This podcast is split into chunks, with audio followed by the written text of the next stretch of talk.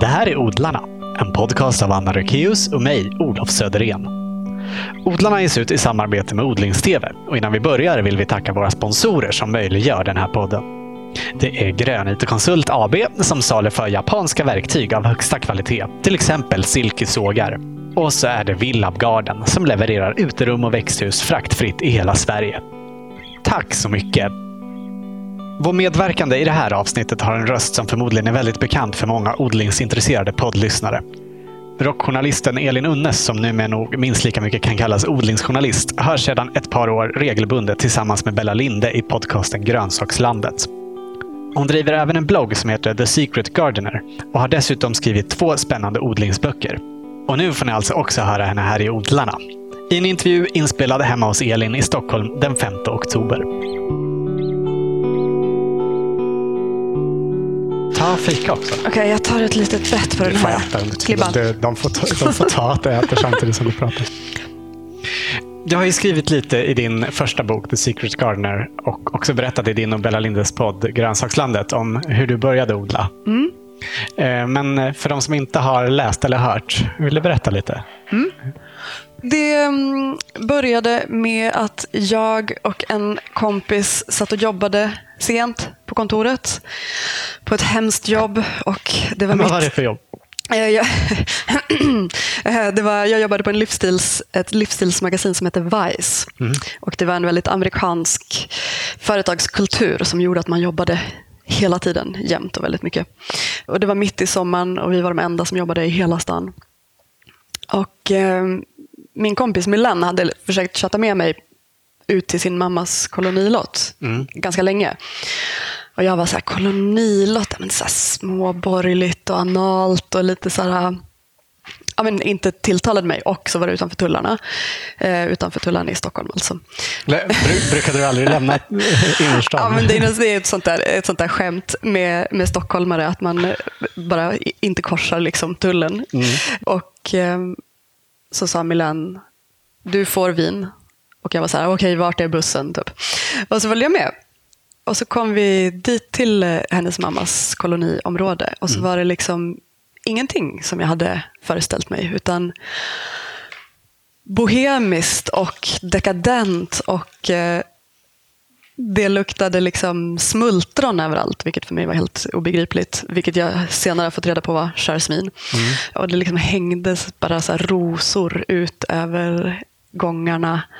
Och alla husen var gröna, små, små liksom ruckel. Eh, som jag också senare fick reda på var för att kungen har bestämt att alla husen ska vara gröna. Mm. 12 nyanser av grönt. Alltså nuvarande kungen? Mm, eh, det borde vara föregående kungen. För det här är alltså från 1900, början på 1900-talet. Mm. Så en föregående kung. Mm. Samt Anna Lindhagen. Ja, just det. Hon var aktiv i att grunda kolonirörelsen. Ja, exakt. Och hennes pappa var ju den som gjorde att Birger blev Birger Fram tills dess eh, hette den gatan Träskrännilen mm. i folkmun. För att det var det det var. Men det här koloniområdet då, med de gröna bodarna. Mm. Vilket är det om, om någon skulle vilja åka dit och titta? Söderbrunns koloniområde precis utanför, upp mot universitetet. Norra stan. Norra stan. Mm. Och är ju då det första koloniområdet i Stockholm som fortfarande är i bruk. Aha. Det fanns ett tidigare som inte finns längre. Häftigt med mm. en historisk, Älskar historisk. historisk plats. Ja. Mm. Men så, så vi kommer dit och det är som helt fantastiskt och jag blir helt som, kär i den här platsen och lite så besatt av att kunna ha en sån här markbit själv. Mm. När var det här? tio år sedan. Ja. 2008. Var det första gången du besökte ett odlingsområde? Eh, ja, i stadsmiljö. Ja. ja. Var hade du fått det här ifrån att det skulle vara lite småborgerligt? Gud, vart får man det ifrån?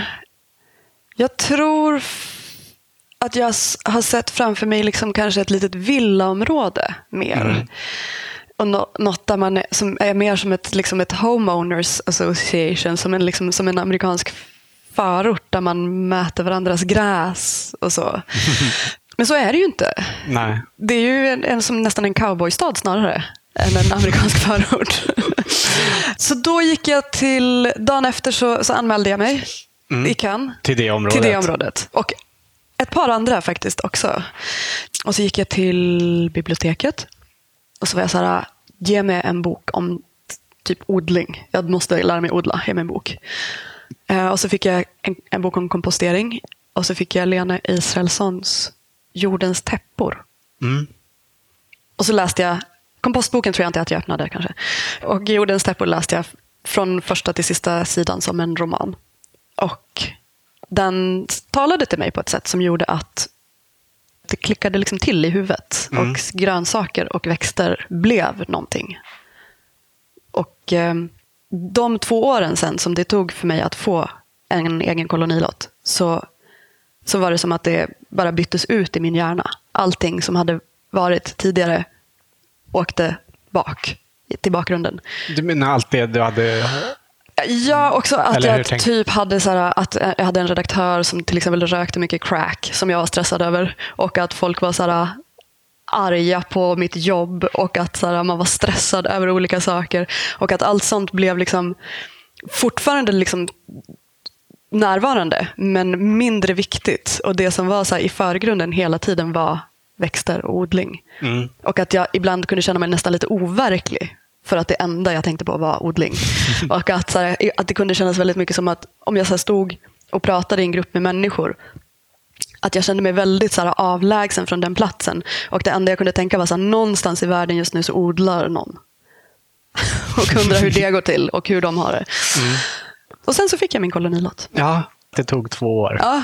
Men liksom, levde det upp till dina förväntningar då? För det känns som det var bäddat för besvikelse nästan. Um, alltså jag, dels så tror jag att det glittrade så himla starkt att det hade som kanske inte riktigt kunnat inte leva upp till mina förväntningar. Men den som kanske inte levde upp till mina förväntningar var ju jag. Eftersom att jag ansåg att jag var fullärd. Jag hade läst alla böcker om odling under den här perioden. Kunde allt om odling. Mm. Under en period så liksom, jag köpte jag var så, jag blev, under en period blev jag så stressad för att jag trodde att böckerna om odling skulle ta slut för att jag läste så många böcker om odling. Så att jag bara randomly, om det var så här, om en bok hette någonting med odling i titeln så köpte jag den eller lånade den. Eller liksom.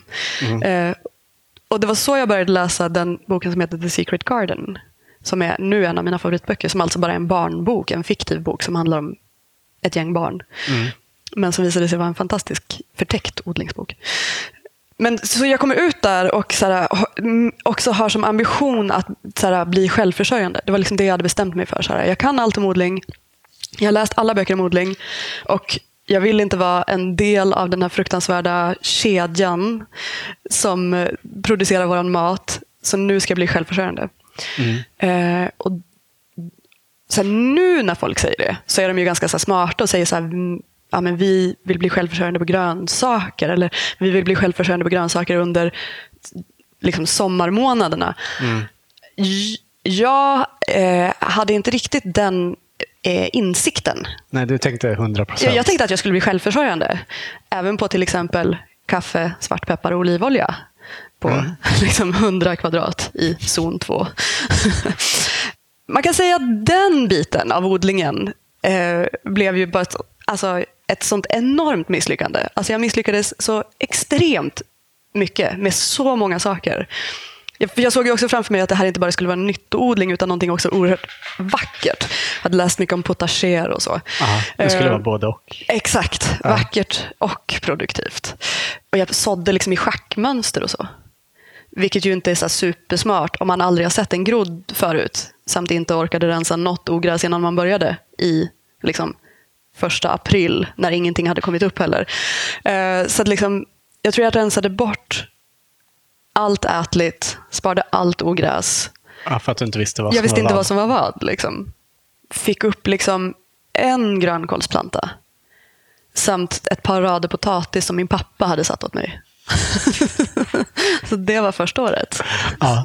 Försökte du på riktigt med kaffe och oliver och sånt där också? Eh, jag måste tänka vad jag köpte för knasiga fröer där i början. Det, som räddar den där är ju att det, inte, att det är väldigt svårt att få tag på sådana fröer. Men jag hade lite sådär helig basilika och sånt där som ju är också som, som ju funkar så länge man ger den riktigt mycket värme. Men jag tror inte jag fick tag på något sånt där riktigt knäppt. Utan, utan jag höll mig liksom till det fröutbud som ändå... Kaffe kan man ju ha som krukväxter. Jag minns Just faktiskt att min farmor hade en kaffebuske när jag var liten som jag hittade bönor på. Typ två, tre stycken kanske. Så det blev ju inget, Det blev ingen stor kanna. Kaffe, men, Fast man gillar ju svagt kaffe ändå. ja, nej, men så jag, jag, precis, jag gjorde nog inget sånt där riktigt knäppt sånt. Liksom, faktiskt. nej. Men, oj, ursäkta, nu har bulle. Bulle. Du gav liksom inte upp då när det gick åt skogen med det mesta? Nej, men, och det är så, så himla fascinerande att man inte gör det. För det känns som att med odling, så här, om det är någonting man gör så är det ju att misslyckas. Mm. Och särskilt om man gillar liksom att så här, pusha gränserna lite. Då är det som inbyggt att man misslyckas hela tiden. Och Jag tror att det beror på att det blir som, det blir som nästan ett, ett tv-spel av det. Liksom. Att man vill verkligen knäcka koden. Liksom. Mm. Det blir som ett, ett, ett spel. Just det, vi hade faktiskt om första, allra första avsnittet av Grönsakslandet innan Äh, eh, när vi gjorde research för det här. Då, då pratade ni om det, att det är som ett tv-spel. Men det är, och jag tycker verkligen att det är så här den bästa liknelsen i min värld. Det finns säkert något annat liksom, i någon annans värld som är en bra liknelse. Men i min värld är det verkligen så här, den där, där man vet att man kommer att dö första banan. Liksom. Man vet att man kommer att misslyckas, men man går in på den ändå. Så här, försöker rusa igenom den bara. Rus, ramlar ner för ett stup, typ, måste börja om. Och att det blir det där nötandet som liksom blir en del av spelet. Att så här, men då testar vi igen. Mm. Och att enda skillnaden är, okej inte enda skillnaden, men en av skillnaderna är att liksom, det tar ett år tills man typ får försöka igen. Ja, man börjar ju tänka direkt när man märker att något går dåligt. Så Mm. börjar man tänka, ja, men nästa år, då ska jag göra så här och så här. Och är Och inte så det bygger också... man upp det ända fram till våren. Så. Exakt! När man är så övertänd. Men är inte det också så här alltid människans oförmåga att göra ingenting? Typ så här. Jo. Om man ser att man alltid härleder liksom händelser tillbaka till sig själv. Och så, här, om jag hade gjort någonting annorlunda så hade det blivit annorlunda. Och i det här fallet så får man ju så lite belöning och lite bekräftelse av naturen. Så här, ja, det kom tillbaka till dig. Så här, du kunde förändra någonting. Och sen vissa grejer tas ur ens händer. Och det älskar jag också, att det blir så här att man också är maktlös på ett sätt. Att det var så här, nej, allt är inte mitt fel. Allt var inte upp till mig. Nu snöade det i maj, det blev inga äpplen. Force majeure, det fanns typ. Men sen då, hur tog du det vidare till nästa level? Ja, nej men precis. Då, då började jag ju sakta, sakta liksom kravla tillbaka uppifrån den här avgrunden som jag hade fallit ner i första året med alla stora misslyckanden. Och började så kanske odla på den nivå som man faktiskt är första gången man odlar. Liksom inte skapa en potager med mandelträd och så, utan då, och då så bara insåg alla de där grundläggande sakerna som varför det är så smart att så i raka rader. Typ. För då vet man vad som är en grönsak. Och började så skala tillbaka. Liksom. Och också började så jobba mer med den, så här, men så okej, vad kan jag bli självförsörjande på? Och insåg också hur så här, med självförsörjningen att det handlar så himla mycket om förvaring i så här, våra städer just nu. Vi har liksom byggt lägenheter på våra vindsförråd och förvarar liksom all skrot som vi inte får plats med i våra lägenheter i våra källarförråd. Vi har tagit bort alla våra skafferier. Ja, det är ju för Helt tråkigt alltså. för tråkigt. Hemskt. Ja. Som ju var liksom, alltså som i en, en gammal lägenhet som den här så kommer den ha varit mot en av ytterväggarna där med ett, ett liksom riktigt, där är det säkert ett, ett luft, friskluftuttag liksom, Ja. som gjorde att det var rätt temperatur där hela tiden. Mm. Vi hade ett sånt i, i, när vi bodde här i Stockholm. Är det sant? Ja. Alltså det är så Fantastiskt. Bra. Alltså det är så bra. Och det är ju, det är ju rätt klimat för att förvara grejer i. Kylen är ju oftast för kall och rumstemperatur är för varmt. Liksom. Men så jag började så inse också att det här med, med, liksom, med självförsörjning handlar så himla mycket om förvaring. Typ. Att så här, om, om det skulle vara så att man var självförsörjande i en stad, då skulle det vara som att man storhandlade i oktober och sen inte handlade alls igen förrän i maj. Då handlade man en näve nässlor typ. Sen hoppades man på att den skulle räcka. Nej, men så här, och, och jag började så här, skala ner och skala upp olika saker. Typ, så här, vad kan man bli för självförsörjande på? Så saker som är väldigt små. Alla typer av frö, alltså så här, ätliga fröer. Fänkålsfrö, dillfrö, korianderfrö som är en av alltså mina favoriter. Ja, exakt. liksom. Kryddfröer. Liksom. Saker som går att bara förvara i rumstemperatur. Typ pumpor. Mm. Som man bara kan ha liggandes. Vitlök är ju fantastiskt. Ja. Älskar vitlök så mycket. Jag tycker både lök och vitlök som man Ja. kan ha bara Det är rummet, potatislök liksom. där som jag är så extremt nöjd med. Den gula som ligger Mm. där. Fina. Alltså de är så himla grymma. Och de är också så här, jag har haft i, så här, glömt den i källaren en sommar. Kommer tillbaka nästa sommar. Bara, inga problem. Helt perfekt. Stoppa ner i jorden, gror. Så så att du har hoppat över ett år ja, så att säga. exakt. Ja, wow. Det, jag trodde nog att de behövde odlas varje år ändå. Nej, alltså, den, äh, kanske att några hade förvandlats till damm. Liksom. Men ändå liksom en majoritet som överlevde. Ja, häftigt. Väldigt coolt. Och sen så här, sista grejen som jag bara blev så lite väldigt, eller så här, förtjust i att odla är sånt som är så pikar just en period under året. Alltså så här, ja, men jordärtskockor typ. Ja, men man kanske inte behöver äta jordärtskockor hela året. Så här, och då blir det som att jag är självförsörjande på jordärtskockor för jag köper dem aldrig av någon annan. Liksom. Alla de där grejerna som är liksom så här, men nu är det amazing. Nässlor, så här, nu är de amazing.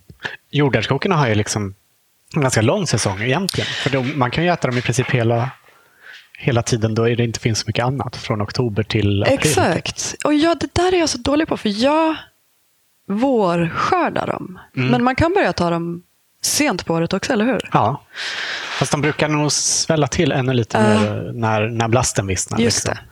Och sen är det ju fryst ibland en, en period och då kan man ju inte få upp dem. Men, Det är ju oerhört tråkigt. mm. När man så här, alltså, så promenerar ut i odlingen, promenerar ut i kolonilotten, så drar i grepen. Nu ska det bli härligt med jordärtskockssoppa. Och så är det sten. Alltså så att, att grepen bara studsar tillbaka. Typ, Ja. sådär. bara går hem hungrig. Ja, men så jag, liksom, allt det här ledde på något sätt fram till att jag ville ha mer utrymme att odla och mer utrymme att förvara. Och då började vi hyra ett litet torp. Och så kastade mig in i det typ på samma sätt. Och bara, jag ska odla 2000 kvadrat, inga problem. Sen man har inte lärt sig någonting. Typ, så bara bröt grepen, bröt ryggen, typ grät.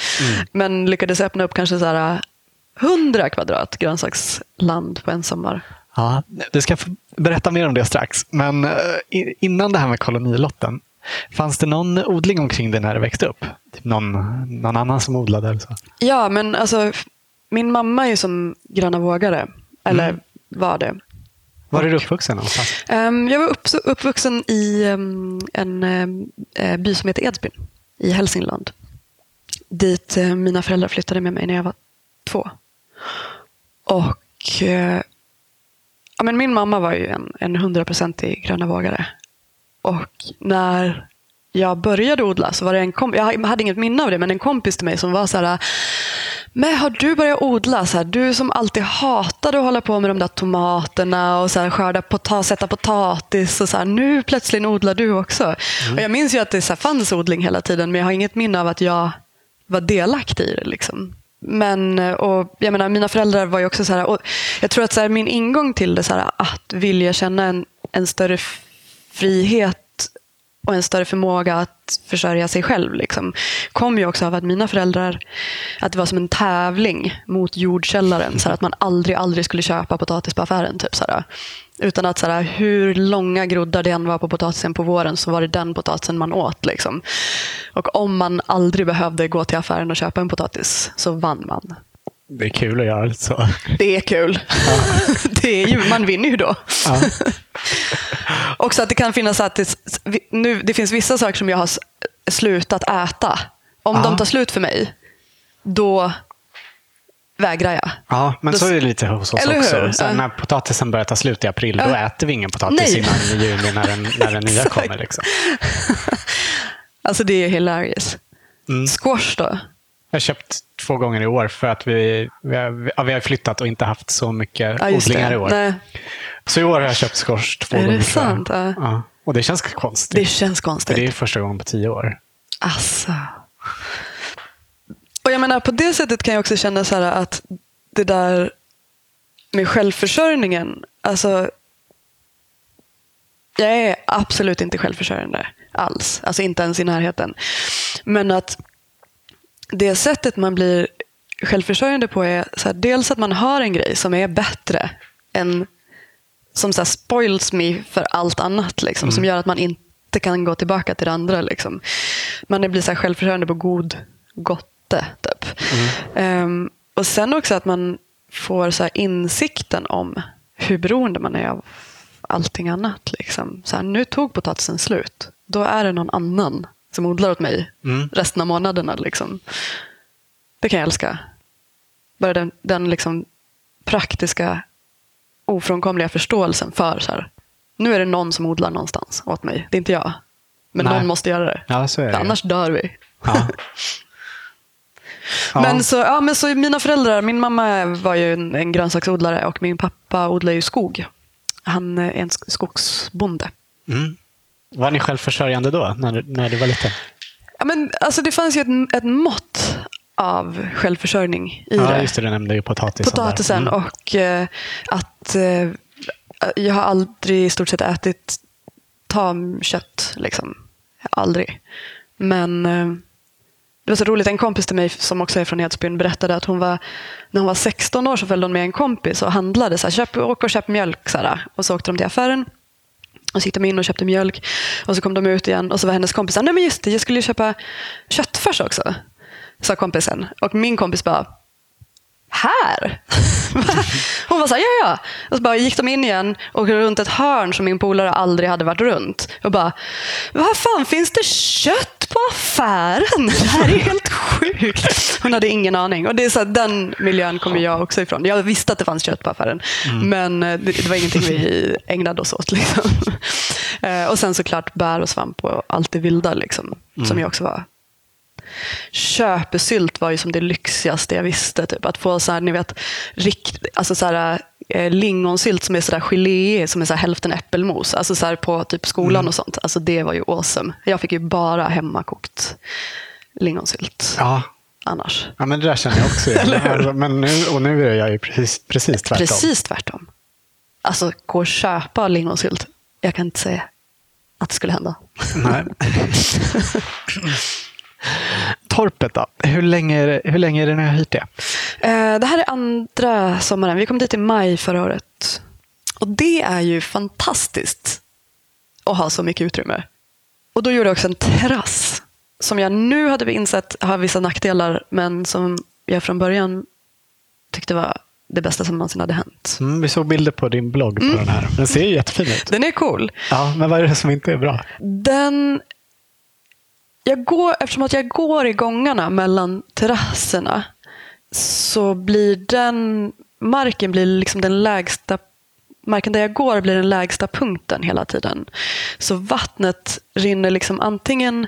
För det, jorden i bäddarna är så superfluffig och jättebra. Liksom, och uppbyggd. Så att det är som, en, det är som sju rader pallkrage uppåt. Liksom. Men eftersom att, jag, eftersom att marken i gångarna är den lägsta punkten hela tiden så rinner det antingen bakåt, vattnet rinner liksom bakåt ur bädden eller ner och på gången nedanför.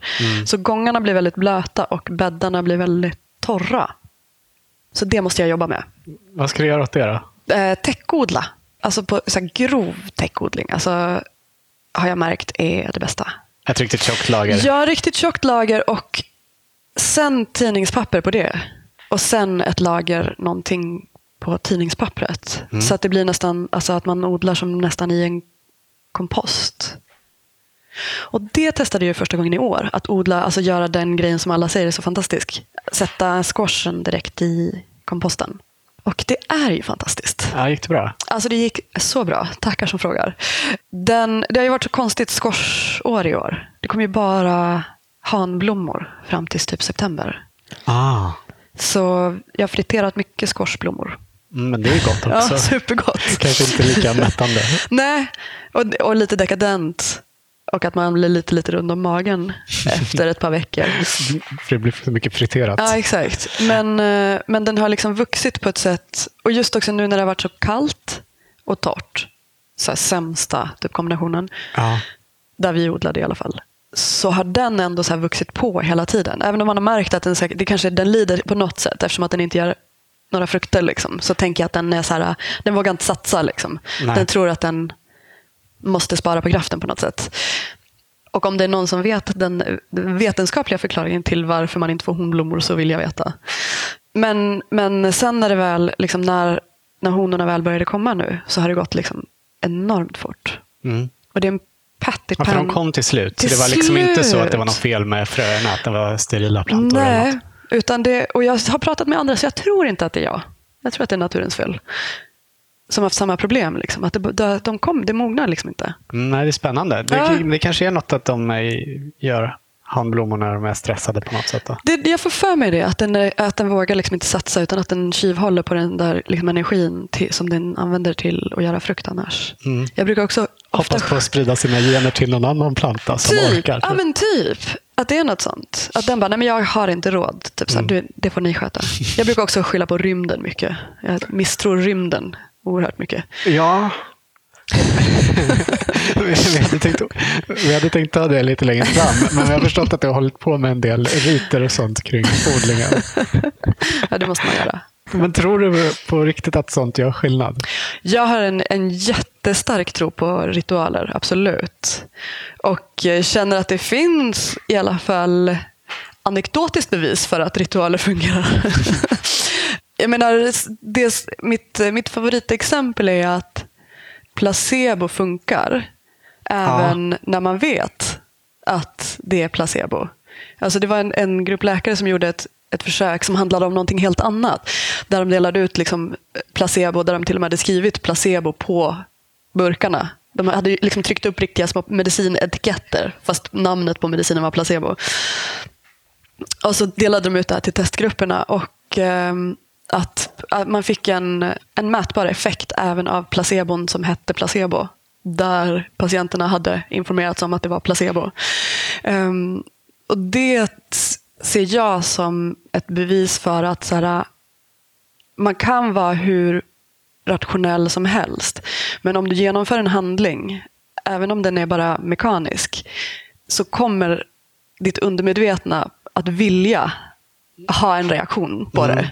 Kommer att liksom suggera fram en reaktion. Och man kunde se i, den här, liksom i de här, alla de här undersökningarna så ser man ju folk som är så här, mer lättsuggererade, som det fungerar bättre på. Och jag personligen är oerhört lätt att påverka på olika sätt. Så jag tänker att för mig är ritualer superfunktionella. Liksom. Mm. Men tror du att det på något sätt kan påverka växterna? Ja, det tror jag. Eh, för det finns andra undersökningar med möss till exempel.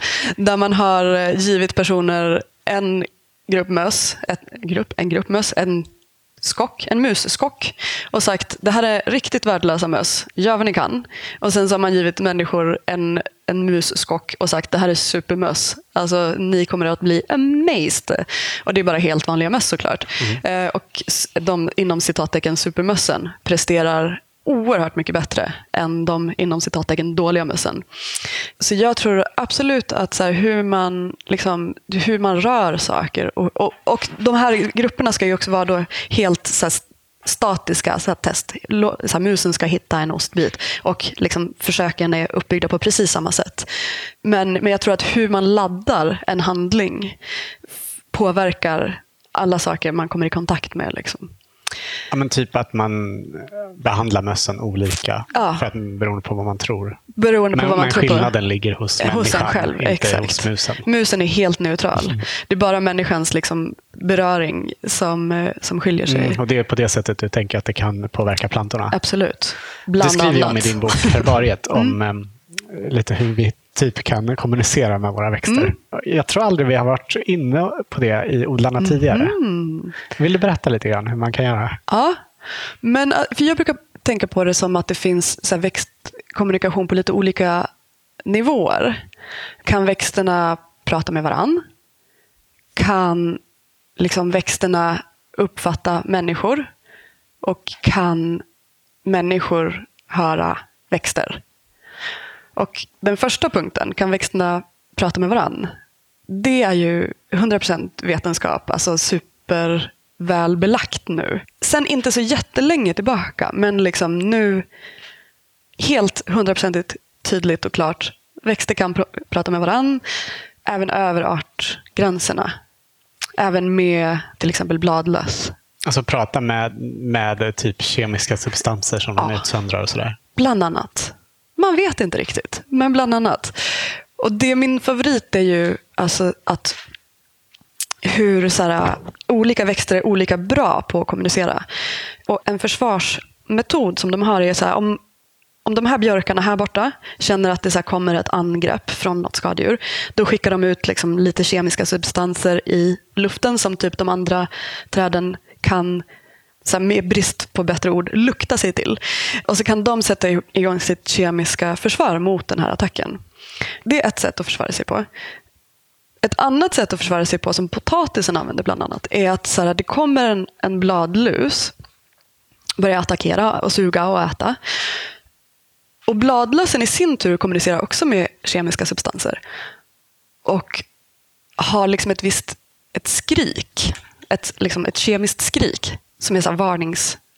Så här, skräckskriket. Det här har potatisen lärt sig att härma. Så den skräckskriker som en bladlus. Jag använder inte de vetenskapliga termerna här, obs. Och förhoppningsvis skrämmer bort bladlusen. En annan metod som de har är att de kan skicka som typ kemisk flaskpost till någon fruktansvärd stekel i närheten. Som är så här, kom och ät. Det finns bladlöss här. Och så kommer det steklar och äter upp bladlössen. Ja, det är spännande. Alltså det är så coolt. Om växterna kan höra oss är också hyfsat vetenskapligt belagt. De kan se ganska bra och de kan höra väldigt bra. Men hur kan de se? Med hjälp av ett, tror jag, hormon eller jag låter det exakta termen vara osagd, men, men de uppfattar ju, de är inte superintresserade av ljus till exempel. Så de mäter liksom ljus, styrka, ljusfärg, vart ljuset kommer ifrån. Mm. Och sen det är så, väldigt lätt att se att de väljer att växa mot ljuset. Tomaten i fönstret som blir lång och gänglig, mm. den ser att det är för mörkt mm. och börjar växa mot ljuset. Liksom. Och står en växt en bit in i rummet så böjer den sig ju alltid mot Exakt, fönstret. precis. Så inte nog med att de kan se, de kan också fatta beslut utifrån vad de ser liksom, och eh, dra sig mot det håll som är bättre. Och sen den sista punkten är då, eh, kan människor höra växter? Detta är totalt flum. Detta finns det inget som helst vetenskapligt belägg för. Eh, men det jag tycker är intressant är att liksom i bland urbefolkningar och naturfolk och så, så har man haft en, en uppfattning om de två första punkterna. Och kanske så att orden man använder för att beskriva det här är, uppfattas av oss som flummiga. Men ibland så tänker jag att det bara är så lingvistik, alltså att det bara handlar om att när man lever i naturen så säger man att tigen berättade för mig och trädet sa till mig. Medan vi använder ord som liksom cirkadiansk rytm, eller jag vet inte, svåra ord som är vetenskapliga, liksom, men att beteendena som man beskriver är egentligen de samma. Och bland naturfolk så finns det en stark uppfattning att människor kan höra växter. Och det får mig att tro att det här bara är liksom en, en tidsfråga innan man uppfattar att den här kommunikationen går även över den artgränsen. Mm. Jag hörde också ett program på radio nyligen som, eh, som hette typ så Barn frågar saker. Vilket alltid är typ det tråkigaste programmet. För barn frågar alltid bara varför är himlen blå? Eller någonting annat. Jag vet inte. Dåliga frågor. Men nu var det ett barn som bara, hej ursäkta, jag har en fråga. Är människan den enda arten som inte vet hur de andra arterna kommunicerar med varandra? Typ? Och att jag var så här, mind blown. Det här var den bästa frågan jag någonsin har hört i hela mitt liv. Och eh, jag tror kanske att människan är den enda arten som liksom inte riktigt är så bra på att kommunicera med andra arter. Mm. Kanske.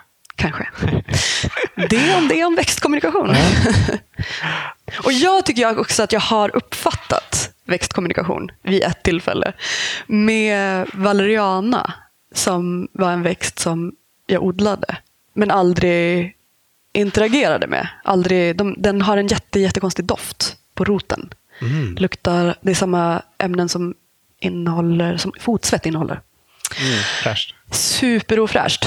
Och, eh, det här liksom, jag drog ut den i sprit och spriten blev liksom brun. Luktar fotsvett. Eh, kastade den och så vidare. Till slut så bara bestämde jag för nu skiter jag i det. Nu dricker jag valeriana-te. Och eh, dagen efter så åkte vi ut på en liten roadtrip och jag såg valeriana överallt. Alltså den växer, det växer så mycket vänderot i Sverige så att ni har ingen aning. Och Det var som att den plötsligen bara så stod i vägkanten och så vinkade till mig. Att Det var som att jag hade plötsligen fått en liten kontakt. Och det bara växte vänderot, valeriana, precis överallt. Helt sjukt. Alltså jag kunde inte gå ur bilen utan att så här, kliva rakt in i ett bestånd med valeriana. Och då var jag så här, det här kanske är det de menar när de pratar om att man får kontakt med en växt. Typ. Som att den står och vinkar och hojtar åt den i vägrenen. Mm. Men nu när ni har torpet, har ni kvar kolonilotten också? Mm. Mm. Precis. Men hinner ni med båda? Nej. Nej, den flyter som ett herrelöst skepp för vinden. Alltså vi kände att så första sommaren på torpet var som ett test, att det var ett testtorp. Och nu känns det kanske som att vi kommer att bli permanenta på, på torpet. Men som fritidshus? Eller, ja, vi bor eller har ni tänkt flytta dit helt Nej, det går inte riktigt. När vi precis kom dit i början, första året, så var jag så här, vinterbonat, här ska det bos. Typ. Mm. Eh, och sen i november när jag låg under så dubbla liksom, fällar med alla kläder på i sängen och bara så darrade, typ, så bara, nej okej, vinterbonat kanske faktiskt är ett koncept som behövs för att man ska typ överleva. Mm. Så det är inte riktigt ett alternativ att bo där året runt, men eh, vi bor där typ under sommaren, kan man säga. Så Lotten är eh, ett sorgebarn just nu. Stackars Lott. Men eh, hur går det med eh, det här självförsörjnings... självförsörjningen? Nej, men... finns, har ni plats att ni skulle kunna bli självförsörjande nu? Ja, men nu börjar det finnas utrymme. Faktiskt. Jag måste bara lära mig typ hur man tätar väggar och bygger golv och så. Att det fortfarande är lite så här, allting är lite skruttigt. Men det är mer själva huset? Så. Ja, exakt. Och då blir man ju genast jättenyfiken på hur man har förvarat saker förr i tiden. Äpplen inslagna i torra ormbunkar. Och jag har börjat kärna, kärna smör nu. Aha. Och då ska man tydligen slå in det i ängsyrablad. Okej, vad, vad gör de? Ingen som helst aning. Nej. Kanske för coolt, jag vet inte. Eller så har det någon effekt, man mm. vet inte riktigt. Ja, men Så det känner jag är liksom nästa steg. Och sen, den här sommaren råkade bli också väldigt misslyckad för mig för att jag iscensatte en frösmuggling från USA i våras. Mm. Det är ju massa hemska regler som gäller frö och försäljning av frö i Europa som gör att man inte får köpa frö från vart man vill. Mm. Så därför gjorde jag så att en, en kompis till mig smugglade en massa frö från USA. Och att jag bara jag känner när jag berättar de här historierna att jag gör samma misstag gång på gång. Att jag köpte superexotiska fröer. Nu ska jag odla regnbågsmajs och vattenmelonrättika och eh, jag vet inte, någon konstig iransk eh, squash. Så min skörd i år har varit ganska liten, tyvärr. Eftersom att de står och bara blommar och är bara på gång nu. Alltså jag har så mm. mycket, min majs är liksom två och en halv meter hög och superblommar nu. Och jag bara känner att den kommer att dö vilken sekund som helst. Det är liksom, den är alldeles för sen. Mm. Jag ser framför mig att så här, det, hos Thomas Jefferson någonstans i Virginia hade den varit awesome. Någon form av First Nation-odling med liksom jättepumpor och regnbågsmajs. Perfekt. Ett torp i zon 2-3, inte så bra. Eh, så just förvaringsproblemet har jag inte haft i år. Alls, Nej. tyvärr. Men däremot så har vi åkt och handlat mest för att vi har blivit uttråkade. Typ. Det har liksom verkligen gått att... Att leva på det ja. som ni har där? Ja. Mm. Oerhört spännande. Med liksom då tillägg av svartpeppar, kaffe och olivolja. Samt ja. salt. Ja. Eh, du nämnde ju valerianan i sprit. Mm. eh, ett tag i grönsakslandet så kändes det nästan som att du nej. använde all din skörd till att smaksätta sprit. är, det, är det vettigt när man vill bli självförsörjande? Eh, alltså det är sådär. Jag, jag köpte ju en liten hembränningsapparat sist eh, jag och min man var i, i Portugal också. De säljs liksom på järnaffärerna där. Och så tog jag hem den och var såhär, nu ska jag bli självförsörjande. Vad awesome det kommer att bli. Jag kommer aldrig mer behöva gå till systemet. Och så tog jag hit en, en, eh, en whiskybrännare som är utbildad i Skottland och bara, jag ska lära mig allt om hur man bränner hemma. Och att han kom hit och var såhär, oh, it's very cute. Typ. Min hembränningsapparat tydligen var lite mindre än eh, vad den ska vara om man inte vill dö av det man bränner i den. Typ. Så du har inte använt den så mycket? Nej, men det jag upptäckte är däremot att man kan, eller, och det han sa och det flera andra har sagt också, är att man kan bränna oljor i den, eteriska oljor. Mm. Vilket ju också jag är så jätteintresserad av. Ja. Att göra. Och det får man väl göra till skillnad från att bränna sprit Som ju också. är olagligt helt och hållet. Vilket jag tycker är så himla sjukt för att det är en svensk det är svensk kultur, alltså för eget bruk. Det här tycker jag är liksom att- att det är kulturförstörelse att det här fortfarande är olagligt. Under en, jag ser framför mig att det är ett generationsskifte nu, att de sista personerna som faktiskt har en skill i det är på väg att försvinna. Och att det är nu som man borde för eget bruk få bränna hemma helt enkelt. Men det där med att det kan bli ganska farligt om man inte kan riktigt. Okej, om det man- är en bra poäng som jag inte har tänkt på. Men förutom det, förutom att alla skulle dö. Typ. Ja, men har du provat att använda den till att göra eteriska oljor? Nej, jag har inte gjort det heller än faktiskt. Det är ju jättespännande. Ja, superspännande. Man får ha den så länge man inte bränner sprit. Va? Säkert inte. Nej. Äsch, jag är anarkist. Man får göra som man vill. Alltså, men så det, det planerar jag, bara stoppa, pulla ner en massa blommor i den och bränna. Mm. Men eh, det är nästa sommar tänker jag att jag ska göra en doft, odla en doftträdgård. Att jag bara ska odla jätte, jättemycket doft. Liksom. Och utforska alla olika sätt som man kan få ut dofter ur växter på. Roligt. Superspännande. Det blir, jag måste öppna 100 kvadrat till. Det klarar jag på en sommar. Mm. Men eh, det verkade som du använde ganska mycket skörd till att liksom smaksätta färdig sprit med. Ja. Och det är ju så himla tråkigt också för att sprit kan man ju dricka så enormt lite av innan man typ ramlar omkull. Så jag experimenterar lite med så här olika sätt som man kan ta till sig den spriten på, på andra sätt. Alltså jag älskar att typ ta en snaps till så här julmaten och så. Men jag är ingen riktig så här cocktailblandare. Så jag försöker så här upptäcka, hitta andra sätt att använda den smaksatta spriten på. För jag tycker det är jätteroligt att smaksätta. Alltså så här, doften, smaken, också bara att se vilken färg en växt har när man lägger den i sprit. Liksom malört som blir lite så här gulgrön, valeriana som blir helt jordbrun, lavendel som får en så här fantastisk lila färg. Det känns som att man får lära känna en till liksom, del av växten. Men sen är det som sagt svårt att använda sprit eftersom att det är så himla starkt. Och mitt bästa sätt nu är nästan så att man har det som i, i pipettflaskor och bara använder det till att så här, smaksätta. Alltså, ha som typ ett så stort glas med ett gott kolsyrat vatten och sen så bara droppa några droppar sprit i det så får man en jättestark upplevelse av örten. Men man slipper ifrån liksom det starka, starka spritiga. Och man får också, av i alla fall vissa sorter, så får man liksom den medicinska effekten följer med. Trots att det är väldigt utspätt.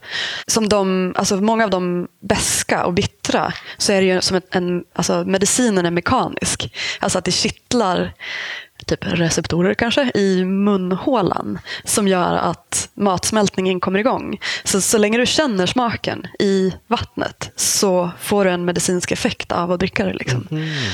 Och vissa Ja, det är liksom mer, i, mer av smaken som man får effekt i, än Exakt. av det som kommer ner i magen. Precis, och sen så, så, så kan det ju säkert vara att man kan få en effekt av det som kommer ner i magen också. Men jag tror att när saker är så utspädda då börjar folk tycka att det inte riktigt är finns belägg för att... Nej, jag Ja, förstår. så. Men, eh, men jag tror ju såklart att växterna gör massa grejer med oss som vi har svårt att bevisa. Mm. Vi upptäckte nu när vi gjorde research för det här att du har gjort en massa TV- tv-inslag. bland annat om hur man kan använda saker från sin trädgård till att bli ren och fin. Just det, exakt. Vi såg också på din blogg att du hade gjort en hel låda med tvål. ja, vill ni ha en? Ni får en på vägen ut. Jätte, jättegärna. Men eh, är du självförsörjande på sådana produkter? Alltså jag är självförsörjande på tvål i resten av livet kan jag säga. Mm. Men det är ju inte, det är inte en sann självförsörjning eftersom att jag måste köpa in alla delar av det. Men, eh, men för mig är det alltid som en utmaning att så försöka se hur, hur många delar av det som jag faktiskt kan göra Ja. själv. Liksom. Och där kommer ju doften in också. Så här. Det, tvål är ju till exempel är ju ytterligare ett sätt att få ut en doft ifrån från en växt. Liksom. Och så, här, ja, men, och så är det i den. Så här, men då är det klart att man skulle vilja ha lite bin och lite, lite bivax hade ju varit jävligt coolt. Och så här. Och, ehm, jag vet inte, det är så många... Av, alltså, du vet, så här, man är ute på torpet, man har inget så riktigt avlopp. Alltså, så jag orkar inte ens tänka på allt sjukt som är i schampo. Du vet Nej. som man köper.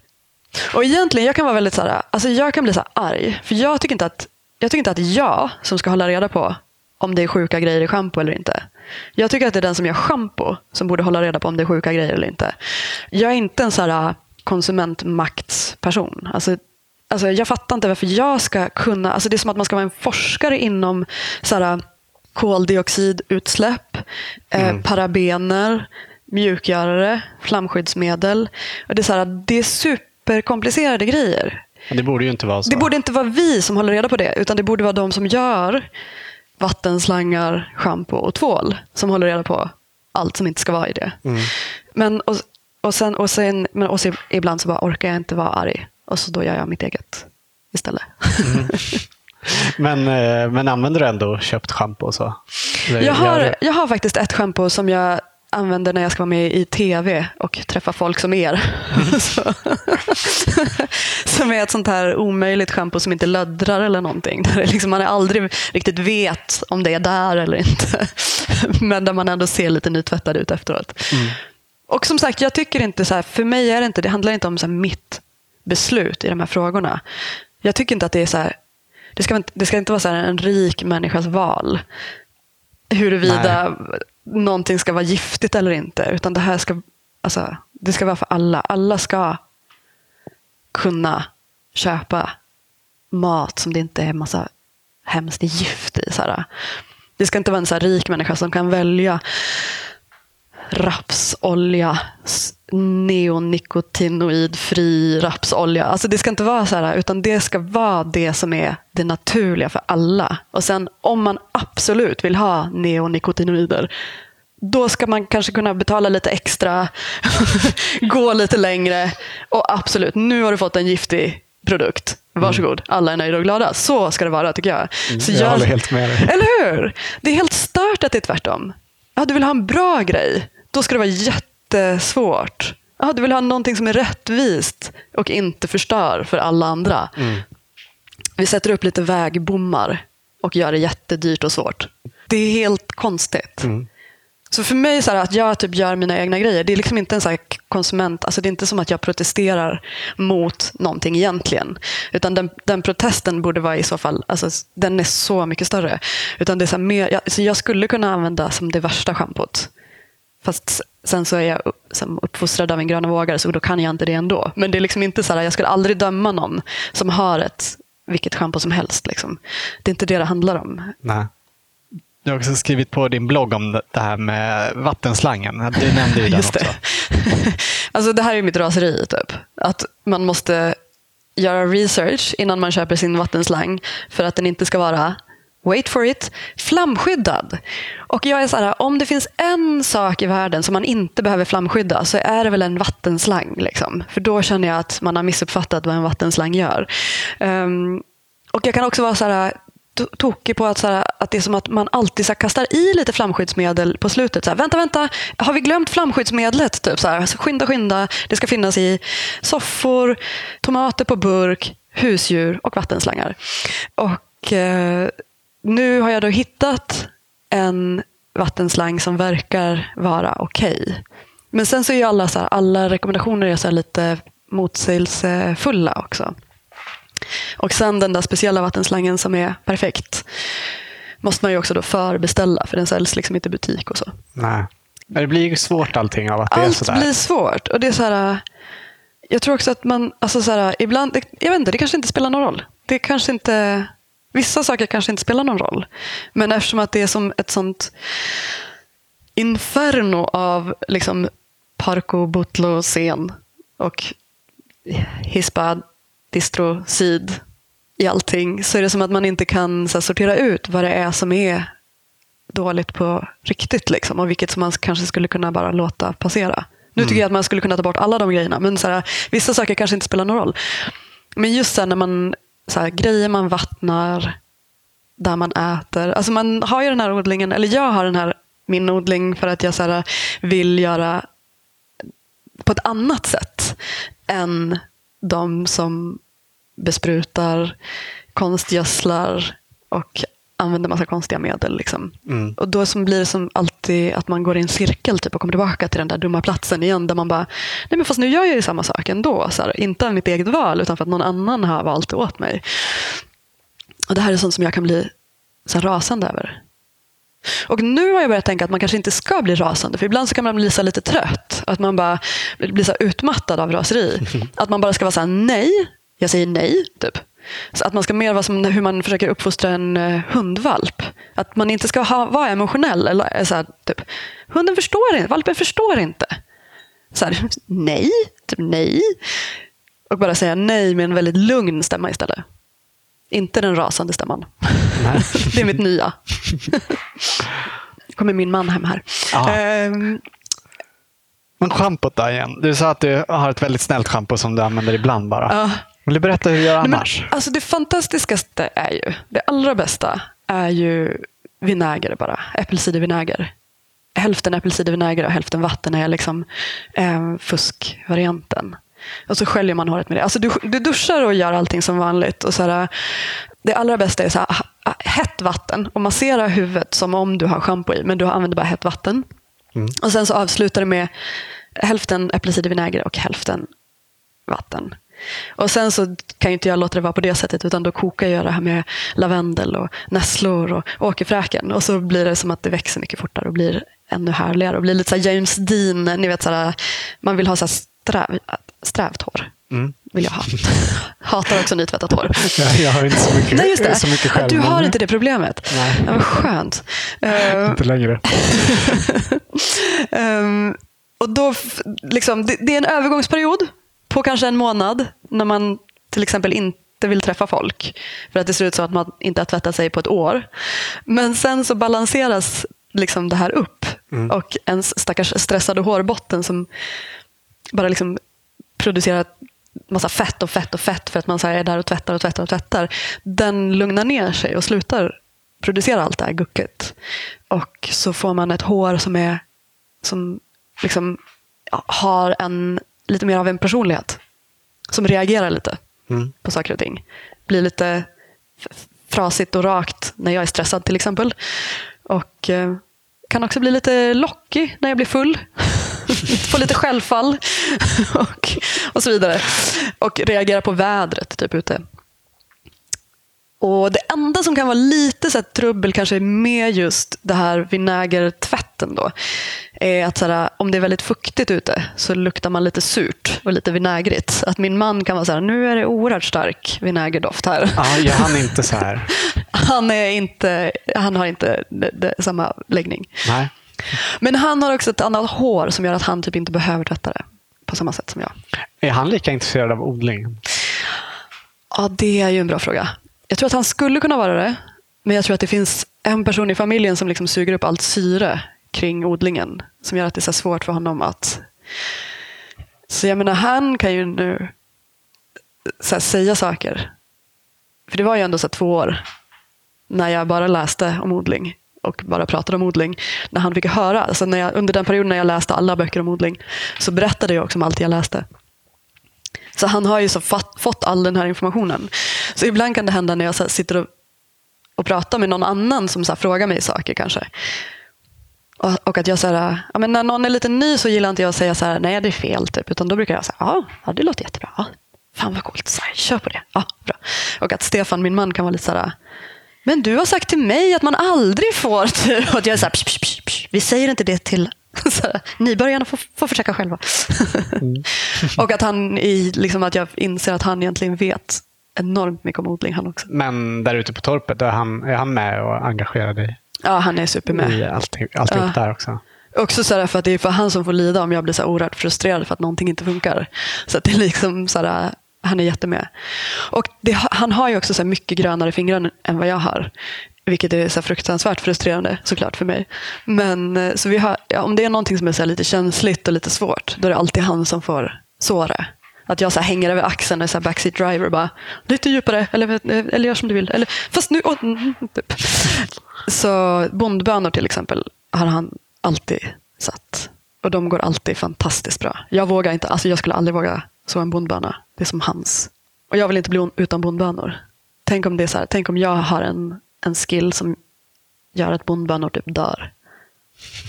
Jag kan inte. så total vitskepelse, men det är han som får göra det. Mm. Och hittills har vi alltid haft fantastiska. Aldrig haft ett dåligt bondbönsår. Nej. Men är inte det också så ganska typiskt så här, nu i år när jag har odlat liksom regnbågsmajs, eh, indisk spenat och vattenmelonrättika. Och det som funkar är potatislöken, vitlöken, bondbönorna. Liksom. Är inte det så att man bara, okej, okay, så vi bor i Sverige. Det här är de saker som människor i Sverige har lagt generationer på att odla fram. Och om året är lite konstigt så är det de grejerna som, de klarar sig. Som klarar sig. Ja. Och så här, om det här hade varit vår mat liksom, så är det det som hade gjort att vi hade klarat oss till december i alla fall utan att svälta ihjäl. Mm. Älskar de gamla grejerna. Ja, och ja, de människorna det... som har odlat fram dem. ja. Sen finns det ju, det finns ju saker som faktiskt går väldigt bra här som man kanske inte har odlat så länge också. Mm. Man har upptäckt senare att det här faktiskt funkar bra i vårt klimat. Och så. Det är mycket så asiatiska bladgrönsaker och så. Och är inte det spännande på det här sättet? Att det gör... Men för också du vet så här, kanske så här pakistanska grejer. och så här, inte kanske, men så här, Överallt där det finns ett berg så funkar det. Typ Valmo. Så här, awesome, inga problem överhuvudtaget.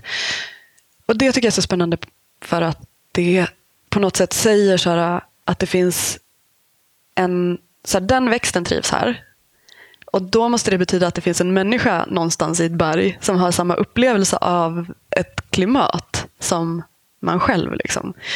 Någonstans i Japan så finns det en människa på en bergssida som tycker så här, oh, nu börjar det bli lite ruggigt ute, typ, på samma sätt som man själv.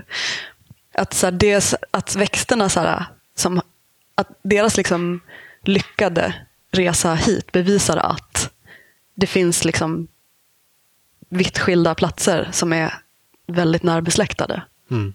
Det tycker jag är spännande att tänka på. Att en tulpan någonstans väldigt långt borta som upplever samma sak som en tulpan upplever här. Mm, det är något fint ju. Vi vet att ni brukar vara i Paris en del av året. Mm. I alla fall, är, inte, är det varje år eller vissa år? Det är varje år. Ja. Varje år. Och du har ju nu också skrivit en matguide om Paris. Mm. Hur ja. går det här kringflackandet ihop med odlandet? Alltså det är sån så här hjärtesorg och smärta och frustration bara. Till hundra procent. Ja. det är hemskt. Jag har hört dig berätta i något sammanhang att du reste med en massa sådder.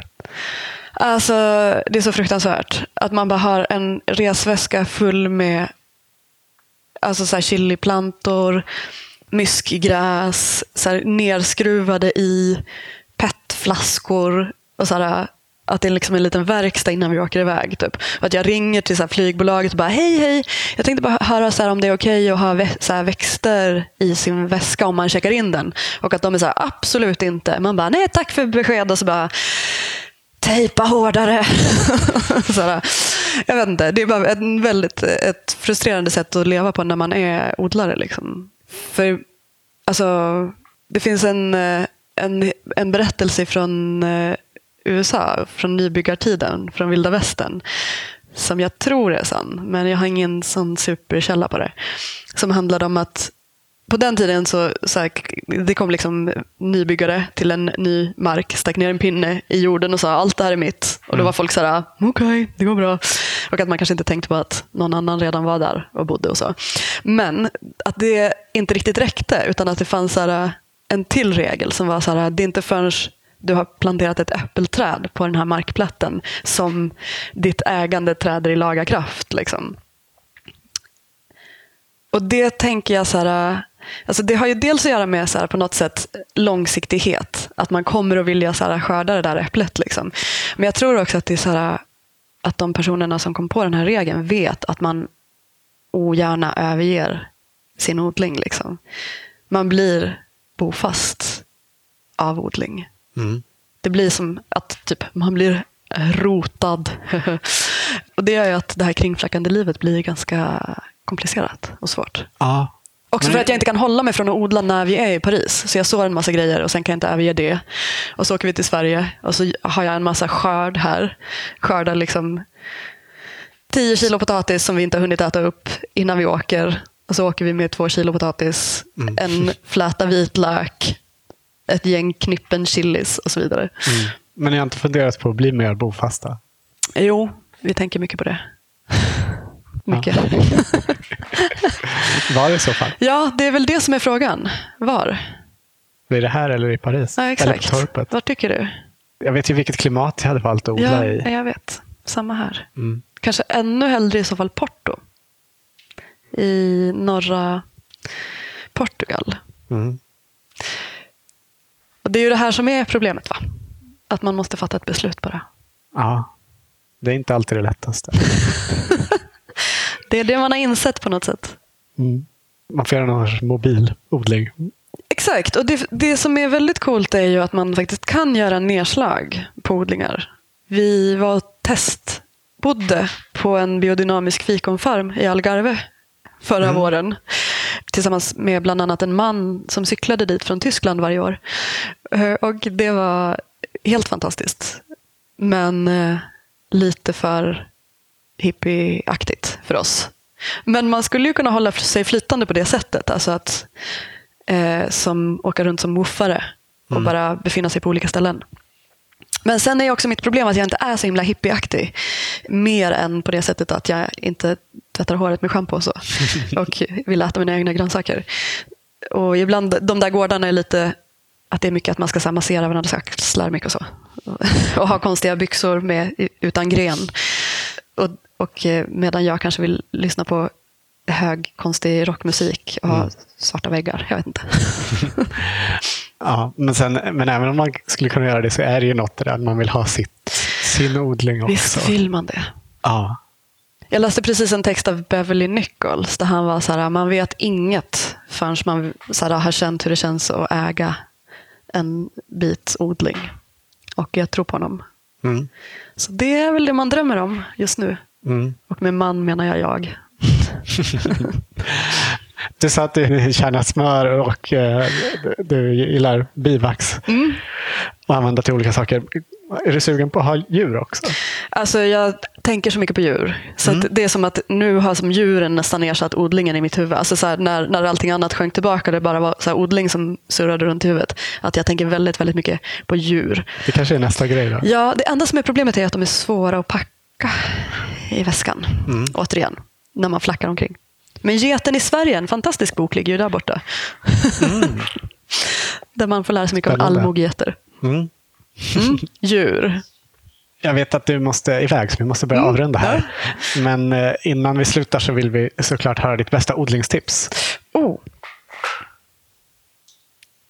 Ja, men det måste bli ändå, jag hoppas att det inte är för komplicerat nu, för jag gillar ju enkla odlingstips.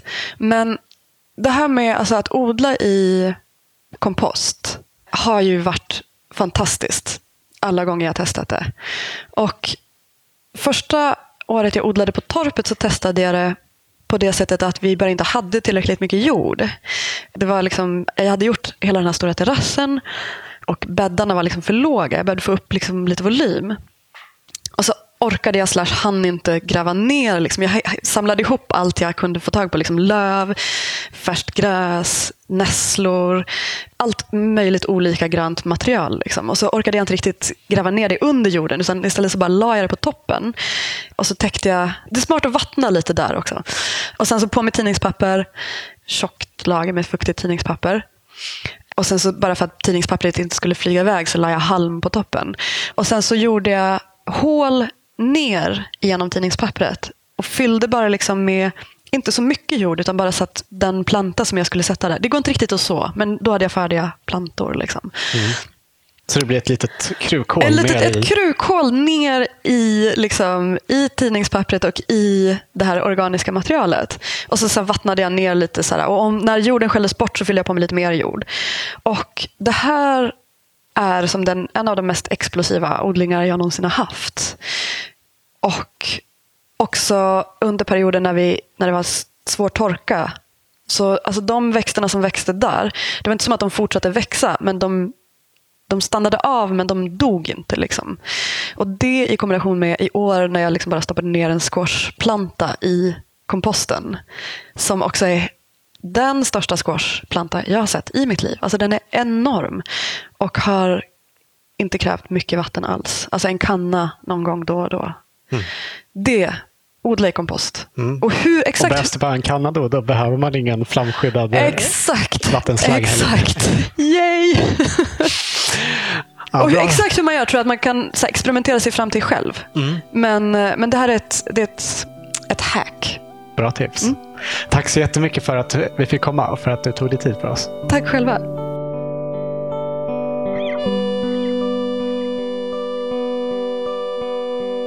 Du har hört Elin Unnes i Odlarna. Hennes böcker The Secret Gardener och Herbariet finns att köpa där böcker finns. Bloggen hittar du på thesecretgardenerblogg.wordpress.com. Ja, eller googla. Och podden Grönsakslandet hittar du i alla vanliga poddappar. Har du inte hört den så har du många timmars trevlig lyssning att ta igen. Man har också kunnat se Elin och hennes torp i en serie inslag i SVTs Go'kväll. Och en del av dem går fortfarande att hitta i SVT Play. Hennes precis nyutkomna bok heter Paris för foodisar. Missa inte att införskaffa den om du tänkt åka till just Paris. Tack för att du lyssnat och stort tack än en gång till våra sponsorer Villab Garden och Grönyte Konsult som möjliggör den här podden. Odlarna görs av Anna Rökeus och mig som heter Olof Söderén. Vill du följa oss så kan du göra det på thewaveswemake.se slash spenatistan. och numera också på Instagram, även där under namnet spenatistan. Ha det bra! Hej då!